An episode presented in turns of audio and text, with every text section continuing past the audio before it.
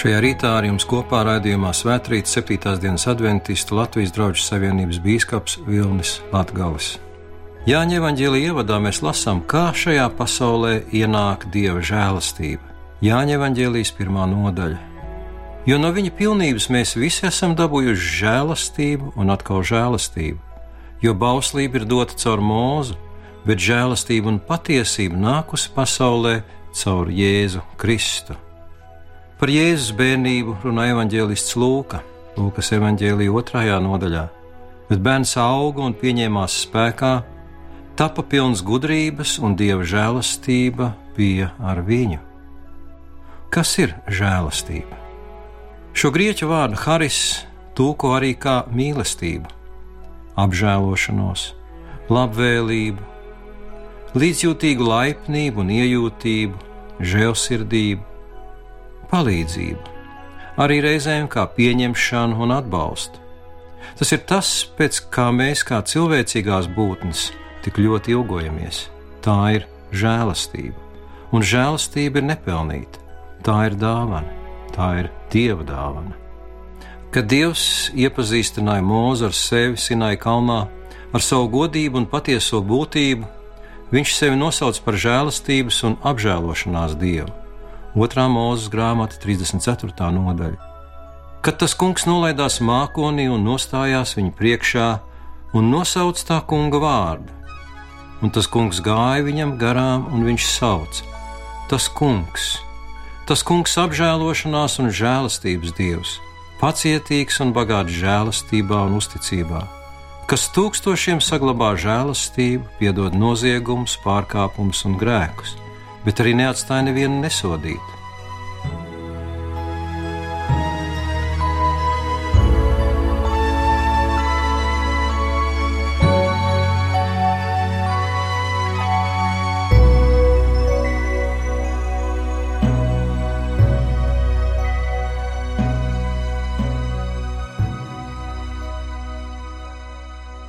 Dievs sevi nosauc par žēlastības dievu.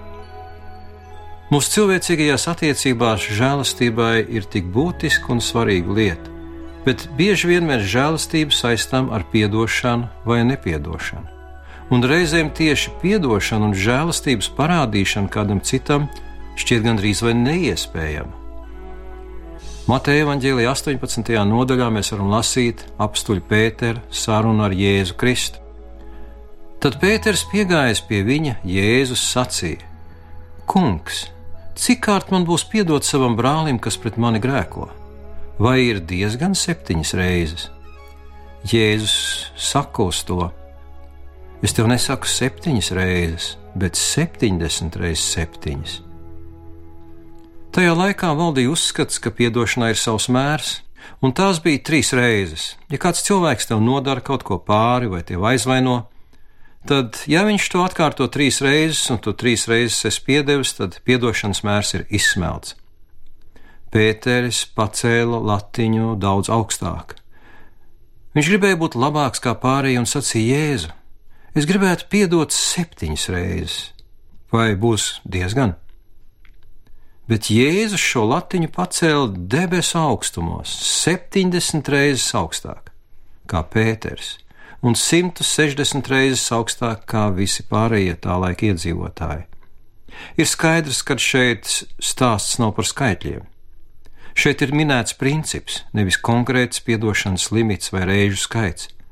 Princips ir, tev būs piedot, jo tas kungs tev arī piedod.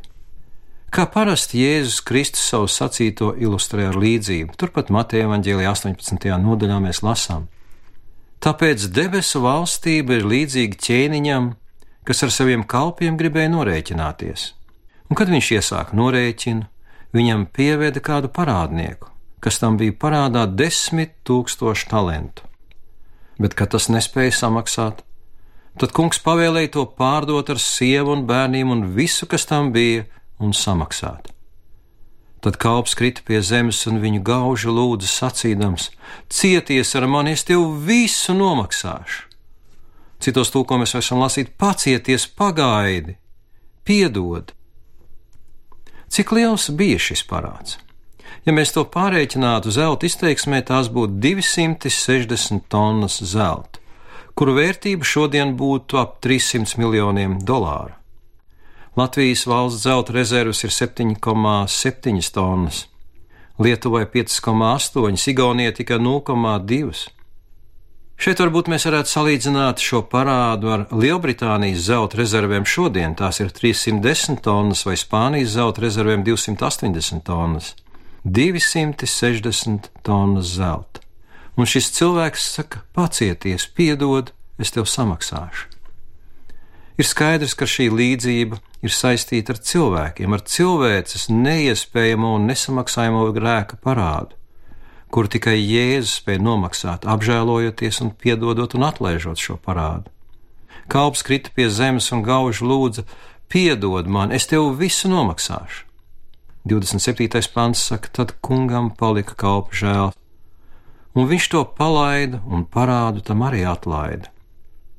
Kas no angļu tūkojumiem saka, aiz žēlastības pret viņu piedeva un atbrīvoja no parāda parāds bieži vien patiešām ir kaut kas līdzīgs grēkam.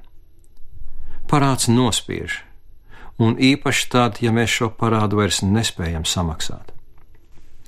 Bībelē vairākās vietās ir raksturota dieva žēlastība, un patiešām dieva žēlastība ir augstākā viņa mīlestības izpausme. Pirmā laika grāmatā, 16. nodaļā, Teiciet to kungu, jo viņš ir labs un viņa žēlastība pastāv mūžīgi. Reizēm cilvēcīgā piedošana kļūst ierobežota. Vai turpinoties kādām problēmām, cilvēks vairs nespēja piedot, bet dieva žēlastība pastāv mūžīgi. 32. psalms, 10. pants. Bezdīvīgajiem ir daudz sāpju, bet kas uz to kungu cer, to viņš ietin savā žēlastībā kā teikts citos tūkojumos, apņem ar savu žēlastību no visām pusēm. Vai tas nav brīnišķīgi, ka Dieva žēlastība nav tikai vienpusīga? Tā mūs apņem no visām pusēm. Mēs pat tajā esam tā kā ietīti, drošībā, pasargāti. Savukārt 33. psalms saka vēl kādu brīnišķīgu lietu. Zeme ir pilna viņa žēlastības. Zeme ir pilna viņa žēlastības. Bet atgriežoties pie stāsta, kur mēs lasījām Mateja evaņģēlijā 18. nodaļā, šis stāsts vēl nenobeidzās ar piedošanu, bet turpinās 28. pāns. Bet šis pats kalps izgājis ārā, sastapa vienu no saviem darba biedriem, kas tam bija simts denāriju parādā. Viņš to satvēra, žņaudza un sacīja: Maksā, ko esi parādā. Tad viņa darba biedrs krita tam pie kājām, lūdzās un sacīja: Cieties ar mani, es tev samaksāšu. Bet viņš to negribēja, un nogājis to iemeta cietumā, tiekams tas savu parādu samaksā. Kāda ir šī proporcija starp šiem parādiem? Mēs atceramies, tās bija 260 tonnas zelta vai 300 miljoni dolāru, un šeit ir stāsts par mēneša atalgojumu. Tad šim kalpam tika piedots parāds, jeb atlaists parāds, kurš ir neiedomājami liels īpaši jau tajā laikā. Bet sastopoties ar savu darbu biedru, kurš viņam bija parādā nelielu summu, viņš bija aizmirsis visu, ko bija saņēmis no sava kunga. Viņš nevēlējās viņam piedot, nevēlējās gaidīt, nevēlējās šo parādu atlaist. Un tālāk ir sacīts, kad nu viņa darba biedri to redzēja, tad tie ļoti noskuma. Tie aizgāja un izstāstīja savam kungam visu, kas bija noticis. Tad viņa kungs to pasauca un tam sacīja: Tu nekrietnais kalps, visu šo parādu es tev atlaidu, kad tu mani lūdzi. Vai tad tev arī dzan nebija apžēloties par savu darba biedru, kā es par tevi esmu apžēlojies? Un šis stāsts mums atklāja žēlastības būtību. Žēlastība nav ierobežota. Tad, kad mēs saņemam žēlastību no Dieva, Mēs esam aicināti to dot tālāk, to izrādīt un sniegt citiem cilvēkiem, dalīties žēlastībā. Tāda sirds, kas ir saņēmuši žēlastību, spēj iežēloties par citiem. Tāds cilvēks, kurš pats ir apžēlots, spēj saprast, cik liela ir žēlastības vērtība. Kā jau mēs lasījām Jāņa evanģēlī pirmajā nodaļā, jo no viņa pilnības mēs visi esam dabūjuši žēlastību un atkal žēlastību un šī žēlastība ienāk uz pasaulē caur Jēzu Kristu, lai mēs mācītos no viņa, sekotu viņam un rīkotos tā, kā rīkotos Kristus, ja būtu mūsu vietā.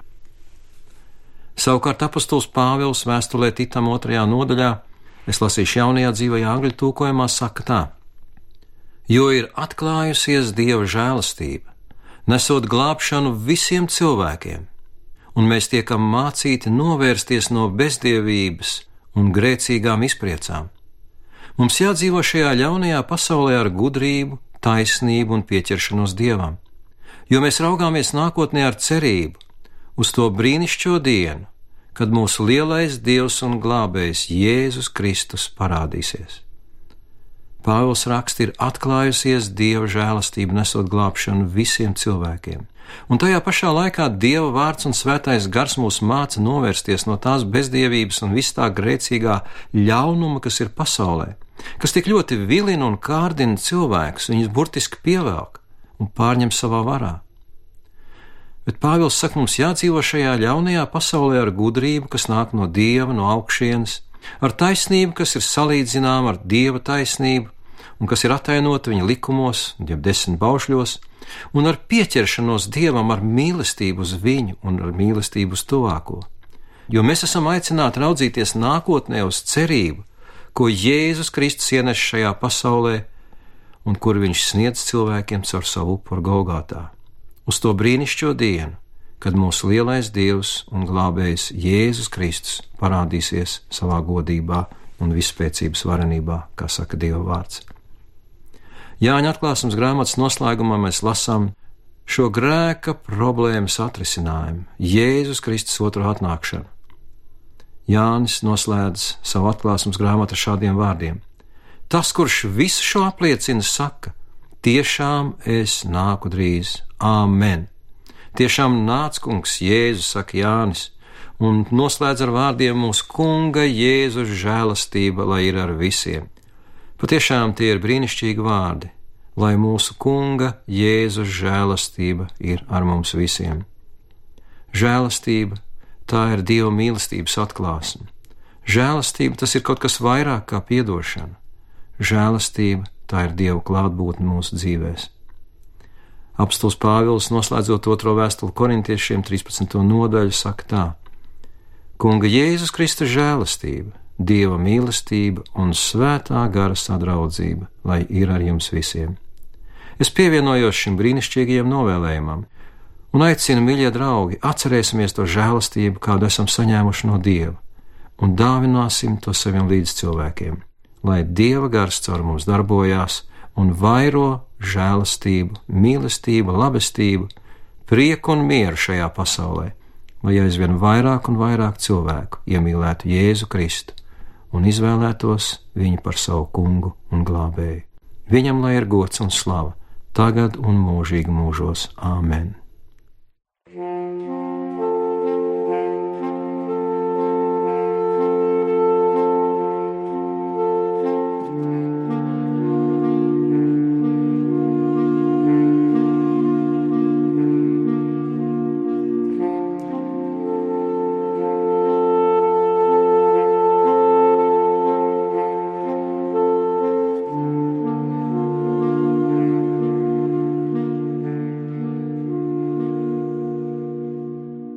Svētais un mūžīgais Tēvs debesīs, mēs pateicamies par Tavu žēlastību, ar ko ir piepildīta šī zeme, bet mēs cilvēki, būdami grēcīgi, mēs, kungs, spieži noniecinām Tavu žēlastību. Tādēļ mēs lūdzam, piedod, kur esam Tevi nicinājuši, kur esam novērsušies no Tavas žēlastības, bet palīdz to pieņemt un palīdz to dot tālāk citiem lai tava žēlastība šajā pasaulē vairotos, tavam godam un cilvēkiem par svētību. To mēs lūdzam Kunga Jēzus Kristus vārdā. Āmen!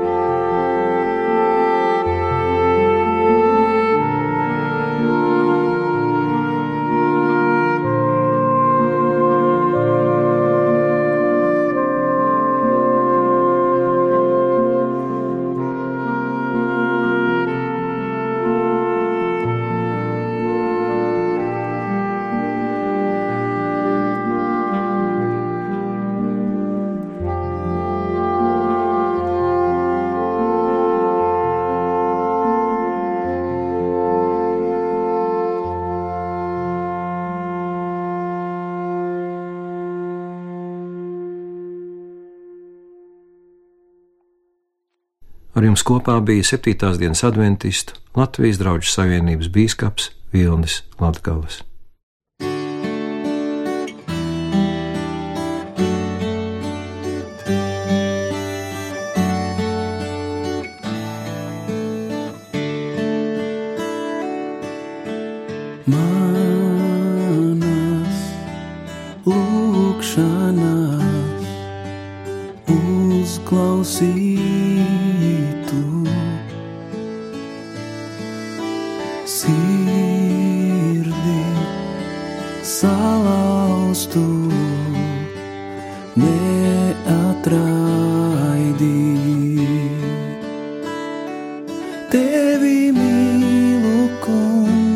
mīlestības dievs, tevi mīlu svētais dievs.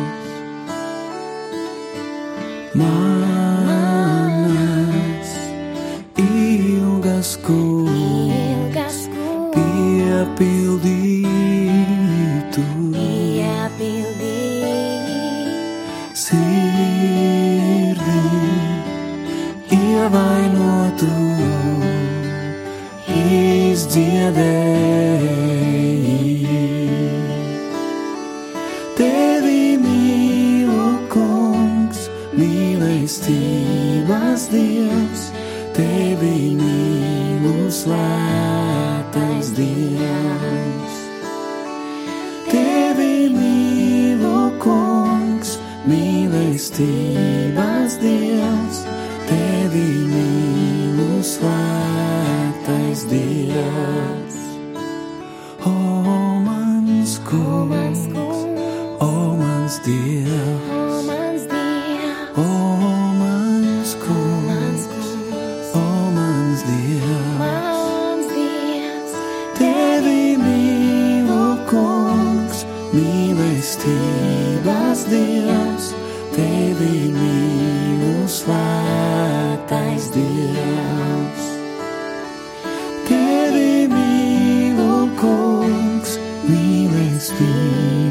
Dios te me.